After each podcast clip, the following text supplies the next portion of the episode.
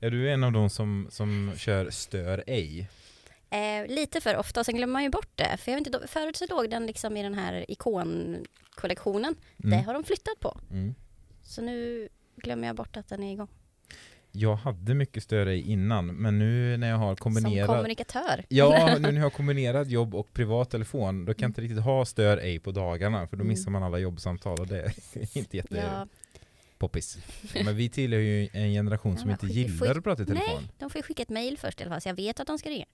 Jag har en kollega som jobbar på IT, han svarar inte om man bara ringer. Nej. För han säger så här, men du får ju skriva först att du ringer. Ja, jag vet ju inte vad jag gör.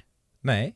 Och, och jag, jag fick ett samtal här, här, här igår av en person som jag typ aldrig har pratat med, som Mm. ringde till mig på Teams. Bara liksom, Teams? Oj. Ja, med kamera och allting. Och jag blev så här, men gud, så?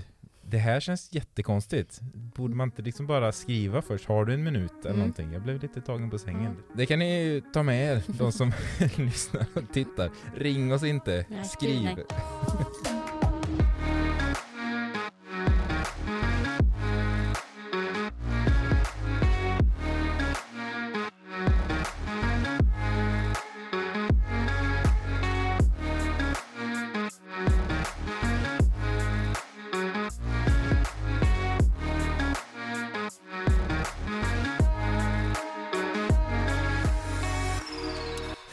Men du, eh, Tau, vi hoppar bara rakt in. Mm. Vill börja med att hälsa de som tittar hjärtligt välkomna, men såklart även de som lyssnar, för det här finns ju både på podcastplattformar och på Youtube. Tau Pettersson, Petersson? Petersson, är det en rättelse du får göra ofta? Ja, när jag var liten så var ju min, jag heter även Elin och det är det min familj kallar mig, så när jag var liten så presenterades jag som Elin Petersson 1 och 2S. Men berätta då varför, är det du som har valt namnet Tau? Ja, eh, det blev så. Efter att ha blivit kallad Tau av kompisar i tio år sedan att då fick lägget också hänga med.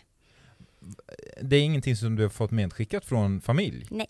Nej, så det är liksom bara taget i luften? Ja, alltså jag har hängt en del på internet i mina dagar, eh, som många spelutvecklare kanske har eh, tänkt gjort. Eh, och då skaffar man sig ofta ett så kallat nickname eh, och då var jag mitt börja på Tau och så var det mycket längre än så då.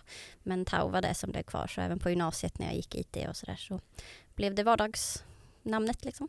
Så du har alltså, det står Tau på ditt körkort och det är sprunget från ett nickname du hade i, ja, på diverse forum och spel etc. Mm.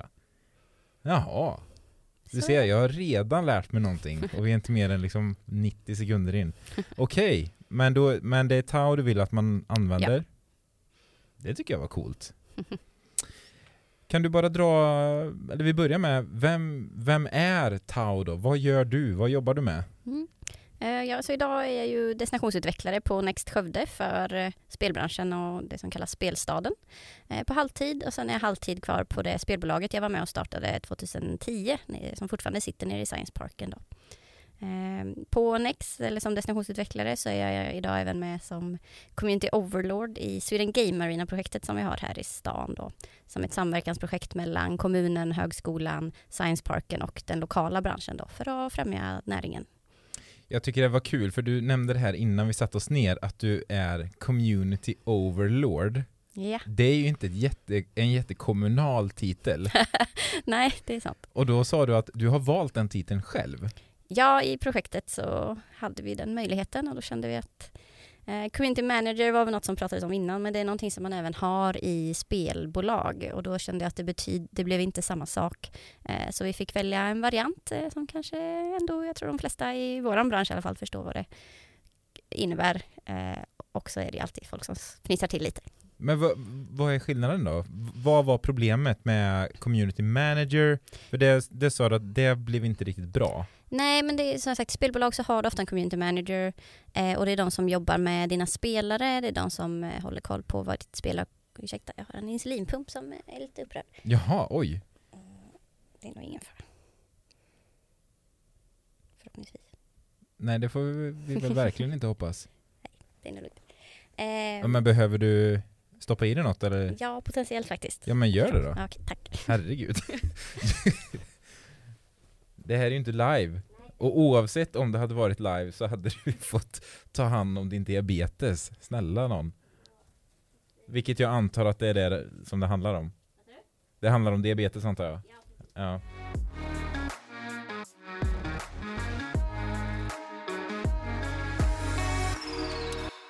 Då ska vi se, vad var vi? Du, vi pratade om ditt namn. Ja.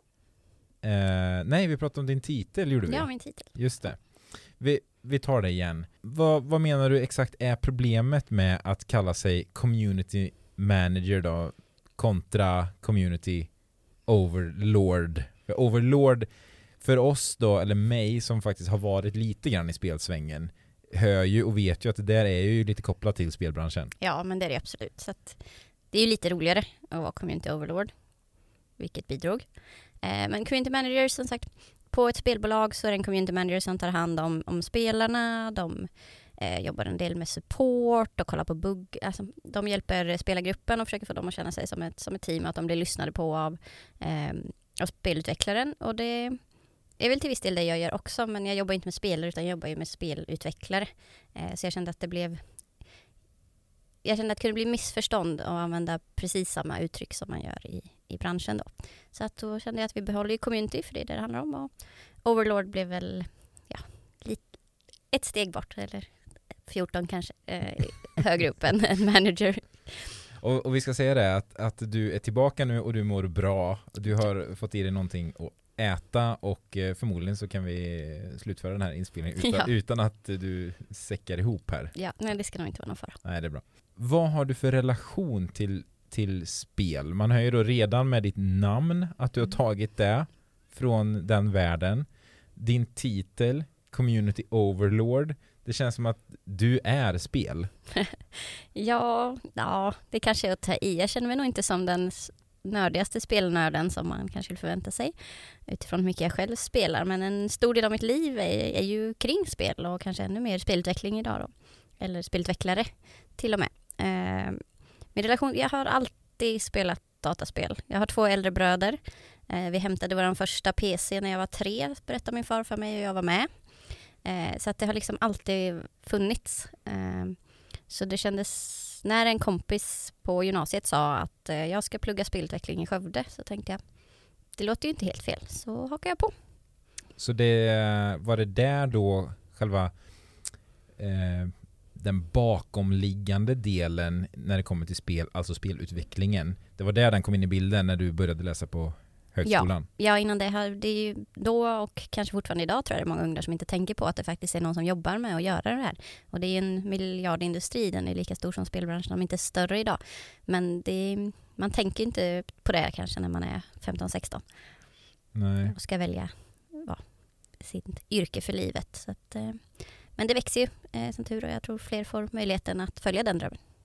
Hur var det då på, på högskolan i Skövde, det här programmet som jag, om, du, om vi bara går till mig då, så skulle jag nog säga att det är det mest kända programmet från högskolan i Skövde. Du som har gått det, stämmer det? Eh, från Skövde? Ja, i min värld är det ju helt klart så. Eh, men det är väl kanske det som har stuckit ut lite extra från Skövde. Sjuksköterskor finns ju lite här och var och det, det blir något som som alla vet vad det är och vart och alla kommuner behöver och sådär liksom. Medan spelutveckling är ju lite mer nischat och kanske lite mer unikt. Så man hajar till lite. Men varför, vad är det som har gjort att Skövde är så bra då? Alltså vi var ju ganska tidiga med utbildningen, eh, så det har absolut bidragit, det tackar vi för. Eh, och sen Science Parken hoppade också igång där och fick en, en nisch mot eh, att hjälpa de här spelstudenterna att starta bolag. Så jag tror absolut att det är på den vägen det gick varför är vi fortfarande bra då? För folk väljer uppenbarligen att faktiskt stanna kvar här. Mm. Ja men det går nog lite fortfarande på samma, att Science Parken har varit med och vi har liksom fått en, en ett litet community av spelutvecklare eh, och spelbolag eh, som har vuxit sig starkare och starkare med tiden. Eh, och Science Parken, inkubatorn, har ju blivit duktigare och duktigare också på att, att kunna hjälpa de här bolagen in i den här kanske lite annorlunda industrin och branschen. Eh, och sen får vi, har ju utbildningen också vuxit och breddat sig. Eh, när jag började var det tre program. Eh, idag tror jag att det är fem eller sju om man räknar med masterinriktningarna till exempel. Så det, det har ju vuxit parallellt hela tiden. Hur menar du då att det är fem eller sju program? Vi, vi, för vi pratar dataspelsutveckling. Mm. Då menar du att det finns olika grenar ja, inom det? Precis, så att vi har ju den som eh, kodar spelet, programmerar den. Vi har den som designar spelet, ser till att det är roligt och skriver spelet. det är de som skriver själva storyn kan man säga. Eh, och sen har vi ju grafiker som gör både 3D-modeller eller ritar eller animerar. Är ju de. Och sen har vi ljud och musik på högskolan också, för det är också stora delar av spel att skapa en atmosfär och ett bra spelupplevelse. Eh, så det är ju grundutbildningarna och sen har de även ett par masterutbildningar då som man kan fortsätta för att specialisera sig ut. Och ett sånt här eh, spelutvecklingsbolag, det var du, sa du, med och grundade. Mm. Vad, vad hette det? Eh, Stunlock Studios heter vi. Och jag vet att ni har ju utvecklat ett gäng spel, mm. varav kanske ett, rätta mig om jag har fel, sticker ut lite, som heter Battle Right. Ja. Det är väl, eller? Är det det som är störst? Av våra så är det det som är störst, absolut. Ja. Och det... Berätta lite, hur, hur, hur kom det fram? Hur kom ni på idén till det och hur, hur var liksom processen kring det? Oj. Ja, kan säga vårt första spelprojekt hette Bloodline Champions eh, och det var ju ett, ett projekt som startade på högskolan redan. Eh, och sen vann vi en eh, studenttävling i spelutveckling i Stockholm och kände att vi kanske har någonting på gång och så gick vi, det här är ungefär den vanligaste vägen tror jag som många av bolagen i Skövde har gått. Då tog vi oss till Science Parken och frågade hej, vi är ett team som vill kolla om vi kan göra någonting av det här i, i verkliga världen då, alltså att starta ett spelbolag. Kan vi få hjälp från er? Och det fick vi ju. Eh, Bloodline Champions släpptes 2011. Det var ett jättebra spel och vi fick mycket cred för det. Eh, men det tjänade kanske inte riktigt så mycket pengar. Det var en, en annan tid också, ska vi säga, eh, i spelbranschen då än vad vi ser idag. Så det kan man också prata en timme eller två om. Men, vi kommer dit. Alltså, ja, men då så. Eh, så, och sen eh, så jobbade vi på lite andra projekt under ett par år, men sen så kom vi ju till tiden när eh, Batright kom på kartan då. Det är i princip en uppföljare på vårt första spel. Vi visste att det första spelet var så bra och vi ville ha revansch. Hur vet man, man att ett spel är bra? Ja men alla sa att det var, alltså feedbacken man fick var att det var så himla roligt, att det var bra, det var det perfekta spelet i sin genre och vi kände att det fanns absolut mer att hämta här och något vi skulle kunna förbättra. Så att vi tog en andra chans. Och vad var det då som gjorde att det gick så bra den här gången? Eh, jag tror en del är att världen var mer beredd, vi var duktigare, vi var mer erfarna och vi hade en större förståelse för både ekonomin och eh, spelarna, vad de ville ha och på vilket sätt vi kan tillsammans eh, skapa en, en möjlighet att fortsätta med det här spelet. Och hur många var ni som arbetade med, med det här? Eller hur många är ni på Stunlock Studios? När vi startade bolaget var vi ungefär 15. Idag är vi 37. Som flest har ju varit eh, strax över 40. Och du är en av medgrundarna? Ja. Tjänar man mycket pengar på det här? Det beror ju lite på hur bra det går. Lite för att prata om vad vi sa i tidigare här då att branschen ser inte riktigt likadan ut idag som den gjorde förr. Men det har alltid varit svårt att göra spel och starta spelbolag. Och det är för att du ska impa på spelare som vill betala för din produkt. Och du måste på tillräckligt många för den tiden det har tagit att göra ditt spel. Det är inte lätt att göra spel. Som sagt, vi är 37 idag. Eh, 37 personer i en månad och sen i ett och ett halvt år har ju kostat en slant. Så du ska ju få igen de pengarna på försäljningen. och gärna lite till då för att gå med ja, vinst. Väldigt gärna. Så att det, eh, det, det, finns absolut möjlighet att tjäna pengar på. Ser det, vi har både sett Goat Simulator och Valheim här i stan också som har gjort fantastiska eh, releaser med sina spel. Eh, och här, det är något som vi har sett de senaste åren i Skövde, att det är fler och fler bolag som har faktiskt skaffat sig den stabiliteten, en bra grund att stå på. Man måste inte göra dunderhits, utan man kan absolut klara sig på att göra spel, men man måste veta vad man gör.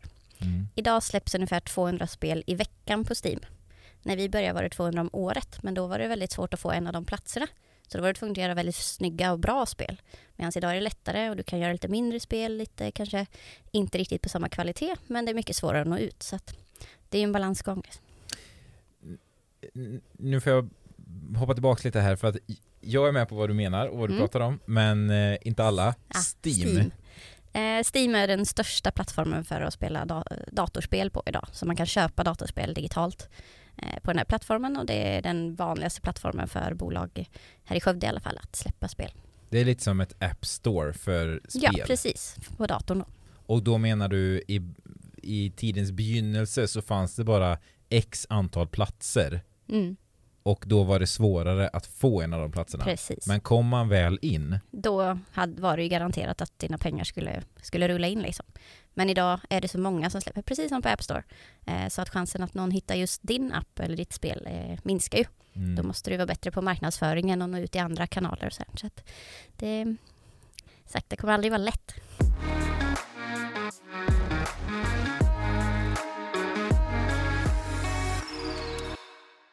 Varför pratas det inte mer då om den här dataspelsutvecklingen i Skövde om vi nu är så bra och hur bra är vi faktiskt S- Sverige-mått mätt? Pratar man om Skövde uppe i Sundsvall? Eller är det bara vi själva som vill tro att vi är så bra?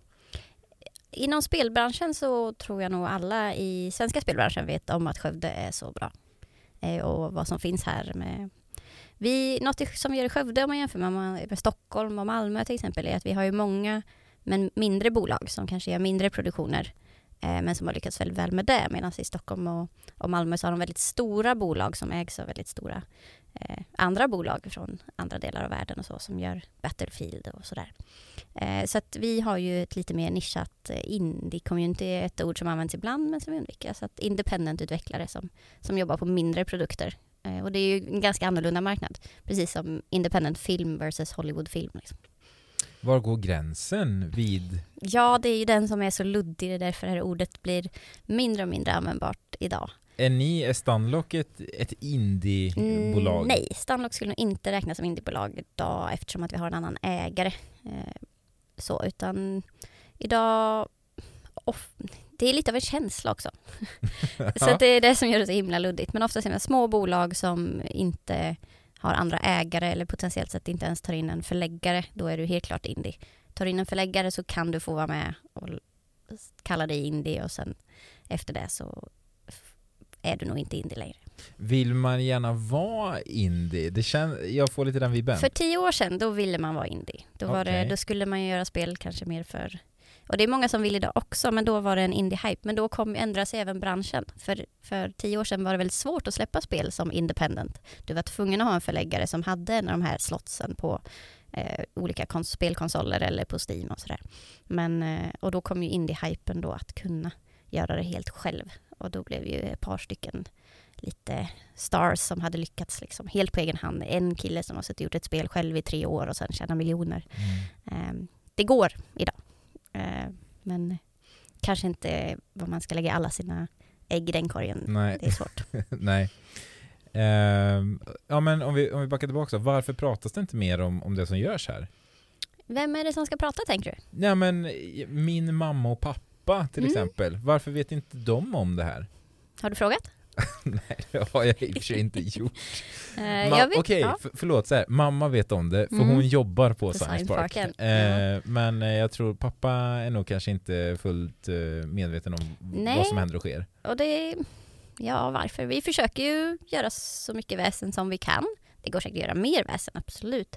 Men sen måste ju folk också vilja, vilja ta, ta emot det. det. Det gäller väl all marknadsföring, att det spelar ingen roll hur mycket väsen man gör om ingen tänker lyssna. Eh, så, men det, Men jag tänker sig allas, nu generaliserar jag, mm, men alla föräldrar idag som har barn som är över, vad ska vi säga, sju, sju år, som har barn mellan sju Mm. och 20. De allra flesta spelar ju spel på något sätt i Mm. någon form. Ja, tyvärr är det ju något som föräldrar generellt sett kanske inte tycker så mycket om. Mm. Bara, Är, det, är det pumpen nu igen? ja, den vill bara varna. Det är. Så. Ja, är det lugnt då? Ja, det är lugnt. Nu har jag ätit. Den bara tar lite tid på sig. innan den- Så jag vill bara se till att jag vet om att Ja, på. Ingen fara. Eh, ja, men vi... Kan det vara så här, är det för att det är kopplat till den här berömda skärmtiden och att spel då får en, liksom en negativ... Till viss del är det ju tyvärr en, en, ett problem som fortfarande finns idag. Att, att skärmtid är så dåligt och spel, och du sitter inne på ditt rum men det är för att det finns inga arenor för barnen att träffas på och göra tillsammans. Vi har provat. Nu är det jättekul att Kulturlabbet kommer igång eh, med lite av en spelinriktning där så barn som har det här intresset har platser att mötas på kring det här. Det har ju knappt funnits innan. Det fanns LAN-parties på, ja, det, det är inte det mest hippa idag kanske. Men det då, sant? Det var ju det bästa! Ja, men då var det också generellt sett barn som engagerar barn. Mamma står ju inte och säljer bullar på LAN-partyt liksom. Eh, som hon gör på fotbollskuppen. Nej. Eh, så att, eh, vi hoppas ju sant. på att föräldraengagemanget kan komma igång så att vi kan få mer organiserad fritid för barn inom spel också. Men ska vi passa på att slå ett slag för Kulturlabbet? Mm. Vad, vad är det? Vad händer? Ja, Kulturlabbet är ju det, ja, får man säga fritidsgård då? Nej, det heter något annat. Det vet jag inte. Mötesplats. Mötesplats är nog mer För korrekt. Eh, och de har bytt nya lokaler, inte öppnat riktigt än och de kommer då ha en, eh, en spelnisch eh, inom sin verksamhet, både inom spelutveckling och förhoppningsvis en del spelande. Så dit kan man komma både om man är mer inne på ditt spår då, Mm. det här med utveckling. Finns det, finns det hjälp? Kommer det finnas hjälp att få där? Så vitt jag förstått så är det en del av, eh, av programmet kan man säga. Häftigt. Och det ligger alltså i Erik Ugglas gamla lokaler? Kommer det göra. Mm. Kul! Du, eh, varför, ja, vi, vi inne och toucha på det, men eh, du som är inne i det, varför väljer folk att stanna kvar här då? Varför flyttar man inte upp till Stockholm? Det känns ju spontant som det rätta att göra. Upp till storstan. Är det så? Ja, alltså de som stannar främst kvar ska jag säga är de som har det här drivet att vilja starta sitt eget spelbolag tillsammans med sina kompisar. Där man, och här får man hjälpen, man får ett community. Vi andra bolag eh, finns i närheten och stöttar och svarar på frågor och, och, och allt sånt. Och den är ju absolut tyngre i, i Stockholm. Eh, att bara flytta till Stockholm är ju ett problem. att då göra det utan pengar eh, och bara med en dröm eh, kanske gör det inte lättare. Medan i Stockholm kanske om du vill jobba på väldigt stora spel och sådär, då är det ju kanske där eller Malmö eller liknande du hamnar.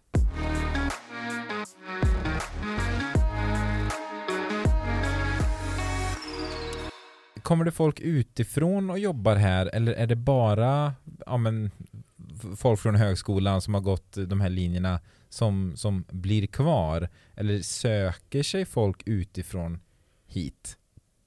Eh, vi, det är inte bara högskolestudenter som hamnar här utan det är ju när bolagen rekryterar så kan det ofta komma från andra skolor i Sverige också. Eh, praktikplatser och sånt är en ganska vanlig rekryteringsbas. Eh, eh, bas. Eh, och då är det oftast yrkeshögskolorna som eh, tillhandahåller den typen av eh, del av utbildningen då. Eh, så det, det är absolut en blandning. Sen det vi har lite svårast för här i Skövde är ju att hitta mer seniora utvecklare. Eh, Juniorer har vi ju som sagt, de kommer både från högskolan och från andra skolor. Men för att hitta seniort så är det en utmaning för ganska många av bolagen.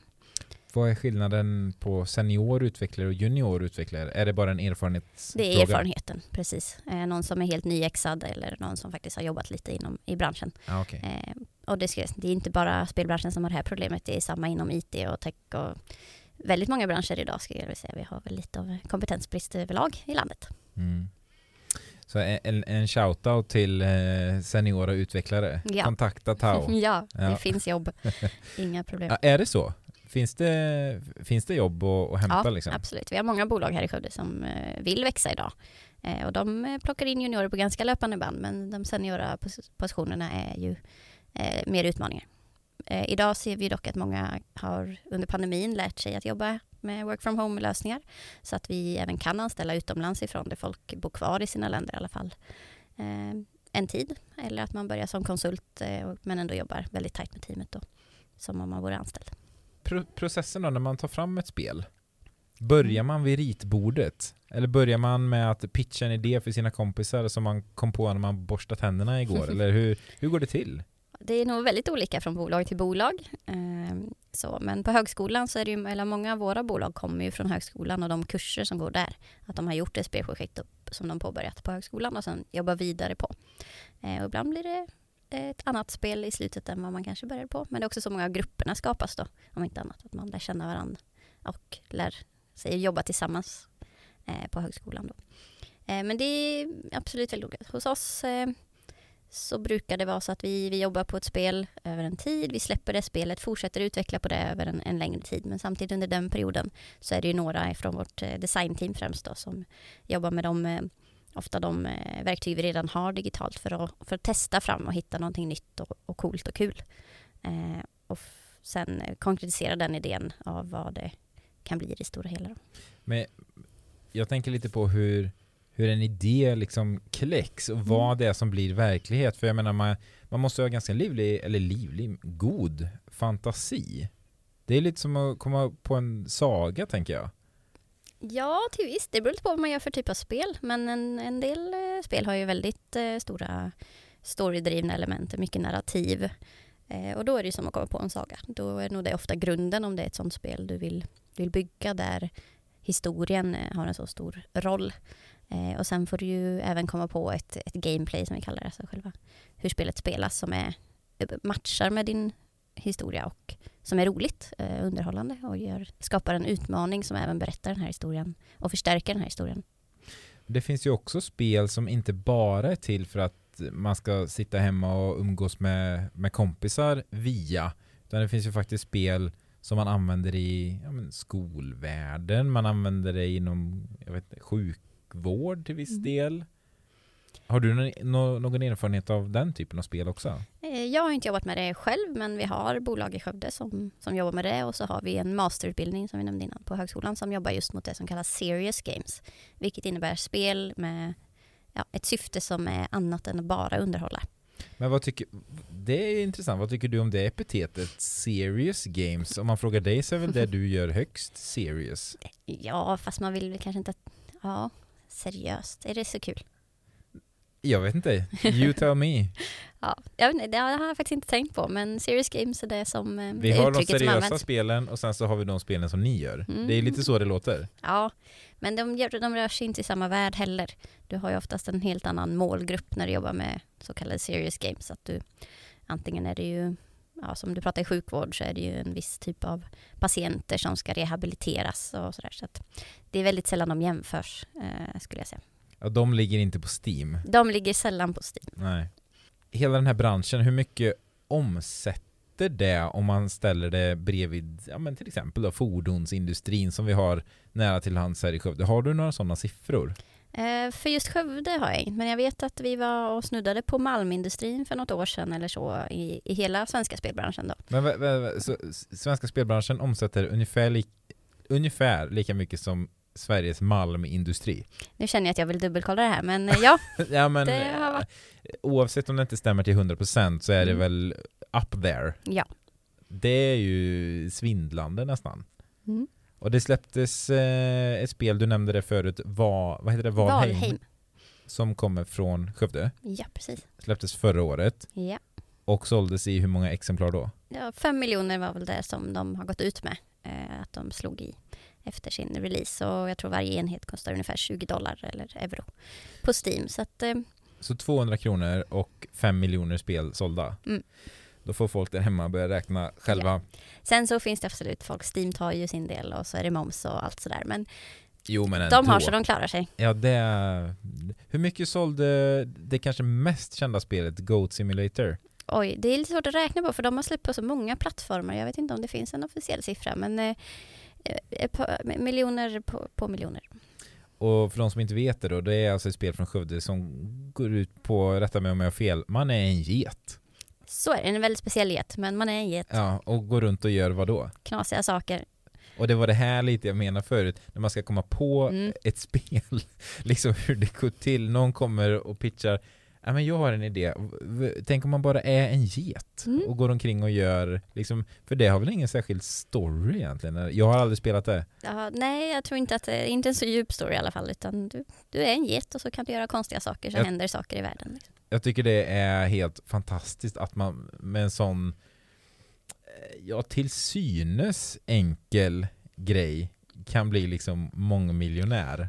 Jag tror alla var lite förbryllade.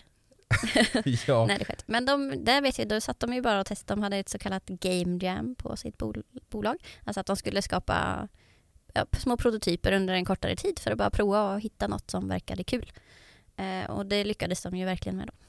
Mm, ja, det får man säga. Det här var ju några år sedan. Mm. Det är väl kanske tio år sedan? Ja, närmare va? Ja, jag skulle tro att tiden går fort. Hej! Jag vill bara flika emellan med ett par ord. Först och främst, tack så jättemycket för att du har valt att titta och eller lyssna på den här podden. Ja, för den släpps ju både som videopodd på Youtube med bild och som renodlad podcast som du hittar på valfri poddplattform. Det gör mig faktiskt ja, men jätteglad att du tittar och lyssnar, på riktigt. För att inte missa när det släpps nytt material, se till att prenumerera på kanalen. Antingen prenumererar du på Skövde kommuns Youtube-kanal eller så prenumererar du på podden i valfri podcast-app. På så sätt missar du aldrig när det släpps nytt material. Men nu tillbaks till avsnittet. Du nämnde lite förut vad du jobbar med idag. Nu är du ju inte full-time spelutvecklare. Nej. Eh, Sweden Game Arena vet jag att du har en relation till. Ja. Vad är det? Eh, den eh, elevator pitchen eh, har vi klurat på ett par år. Ja, Inte Hur den- låter den då? Eh, men I grunden får man väl säga att Sweden Game Arena är ett samverkansprojekt mellan Högskolan i Skövde, Skövde kommun och Science Parken och den lokala spelbranschen. Eh, som verkar för att se till att Skövde och Västra Götalandsregionen är den bästa stället att vara spelutvecklare eller starta spelbolag i. Eh, så vi verkar för att det ska vara mycket aktiviteter och, och andra vinningar av att vara just här. Men vad är det? Är ni liksom ett gäng som, som jobbar på eller med Sweden Game Arena? Eh, ja, idag är det ju det är ett projekt då, och då är vi, jag jobbar ju halvtid och sen har jag ska se, tre till fyra kollegor på lite olika procentbasis som, som jobbar aktivt i det här projektet då för att främja Skövde. Och och vad gör ni för att främja Skövde? Eh, en av de största sakerna vi gör varje år är ju spelkonferensen, Sweden Game Conference, som sker här i Skövde i oktober, har gjort de senaste 10-12 åren nu. Eh, till och med under pandemin har vi lyckats få till den. Väldigt nöjda. Det har alltid varit en liten svacka där i oktober som gjort att man fått vara med ändå. Eh, och då är det ju ja, en konferens för eh, både studenterna och den lokala spelbranschen men också bjuder vi in eh, talare från resten av världen och andra spelutvecklare Eh, som kommer hit till Skövde för att eh, tillsammans bli en lite bättre, en lite tajtare på det vi gör.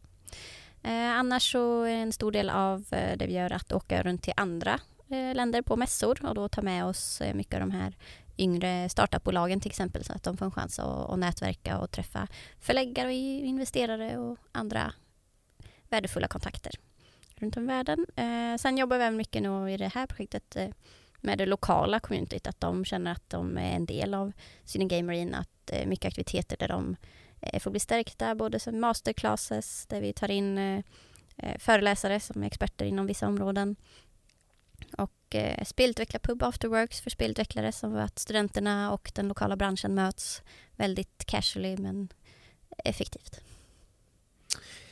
Är det här någonting som är öppet för gemene man om man är intresserad av det här, den här konferensen eller är den liksom stängd för eh, det här communityt så att säga? Nej, konferensen kan vem som helst köpa biljett till. Eh, Men man behöver ju vara på något sätt eh, involverad i spelutveckling då kanske. Sen har vi spelfestival, brukar komma efter konferensen. Nu har det inte gjort det de senaste åren på grund av pandemin. Men gillar man att spela dataspel och prova nya dataspel, då är det festivalen man ska glida in på. Och hur ser utsikterna ut för, för årets eh, konferens och festival? Eh, Ja, men vi har precis varit på, nere på Kulturhuset och funderar på att byta till den lokalen och det såg eh, väldigt trevligt ut. Alla verkar nöjda så vi hoppas på att det ska gå vägen i år. Om inte den här pandemin på något horribelt sätt blossar upp igen då.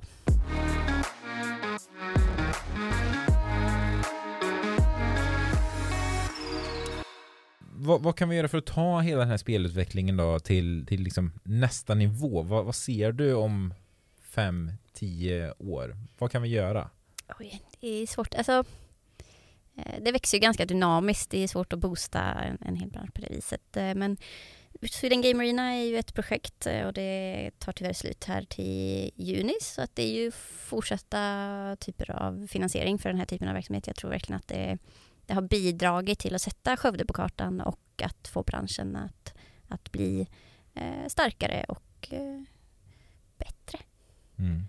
Eh, Så mer satsningar. Ska Skövde vara en spelstad så får vi se till att bli det. Hela ja, vägen. Det blir intressant här nu vad som händer med Skövde Science City. Mm. Se om det kan dra någon nytta av det. Det lär ju knappast vara till spelutvecklingens nackdel. Ja, nej, absolut inte. Det, Science City verkar... Det ligger väldigt bra till. Sagt. Många av bolagen sitter ju nere i Science Parken om inte annat. Det vore kul när, ja men Tao hon bor, Tao Overlord bor i Science City. det, tänk om någon hade sagt det till dig för 20 Mm. år sedan. Det hade du tagit? Ja, det, hade- det låter inte helt fel faktiskt. Ehm, och vad är nästa nivå? Är det liksom bara att fortsätta göra bra spel eller kommer det Kommer Skövde bli det självklara navet i, i Sverige eller finns det några, några utsikter? Alltså något som vi vet att det finns mer att hämta kring är ju forskningen. Eh, högskolan vill, vill verka för mer forskning inom spelutveckling eh, och det är ju superspännande. Eh, och något som kanske branschen inte har varit riktigt redo för än om man jämför med eh, hur, hur väl samarbetena kring forskningen sker för andra branscher som ja, men bilbranschen och fabrik och så vidare. Så där tror jag absolut att vi har mycket att, att jobba med eh, för både spel, spelutvecklingens och eh, forskningens sida. Vad, vad är det som gör att branschen inte har varit redo ja, men Det är en ganska ung bransch eh, och den har drivits av, alltså det är ju en, vi är ju närmare konstnärer kanske än fabriksingenjörer. Mm. Eh, ja. och då har kanske inte, man har inte sett nyttan av forskning på det, på det är sättet. För att, lite för abstrakt? Ja, potentiellt. Och jag tänker du gör ditt spel och så släppte du ditt spel och sen så sålde du ditt spel. Mycket. Innan har det liksom inte varit krångligare så. Nu finns det ju mycket större ekosystem kring det här och sätt att, att hantera spel på. Det mm. finns ju väldigt små spel och så finns det jättestora spel. Det gör ju även att, att eh, komplexiteten ökat och då kanske forskningen blir mer relevant. Så mer forskning? Mer forskning är helt klart en av punkterna. Jag tycker vi rundar av med det. Mm. Att eh, mer forskning eh, kommer driva spelutvecklingen eh, både nationellt men även lokalt framåt. Absolut. Tro, absolut. Du, Tau Elin, som jag nu lärde mig att du faktiskt heter, eller ja, det beror på hur man ser det, ja precis också. Eh, tack så jättemycket för att du kom hit och tack, diskuterade tack. spelutveckling och spel och det känns som att du, vi hade nog kunnat sitta här eh, längre men då blir det för, för, för smalt. så kan det vara.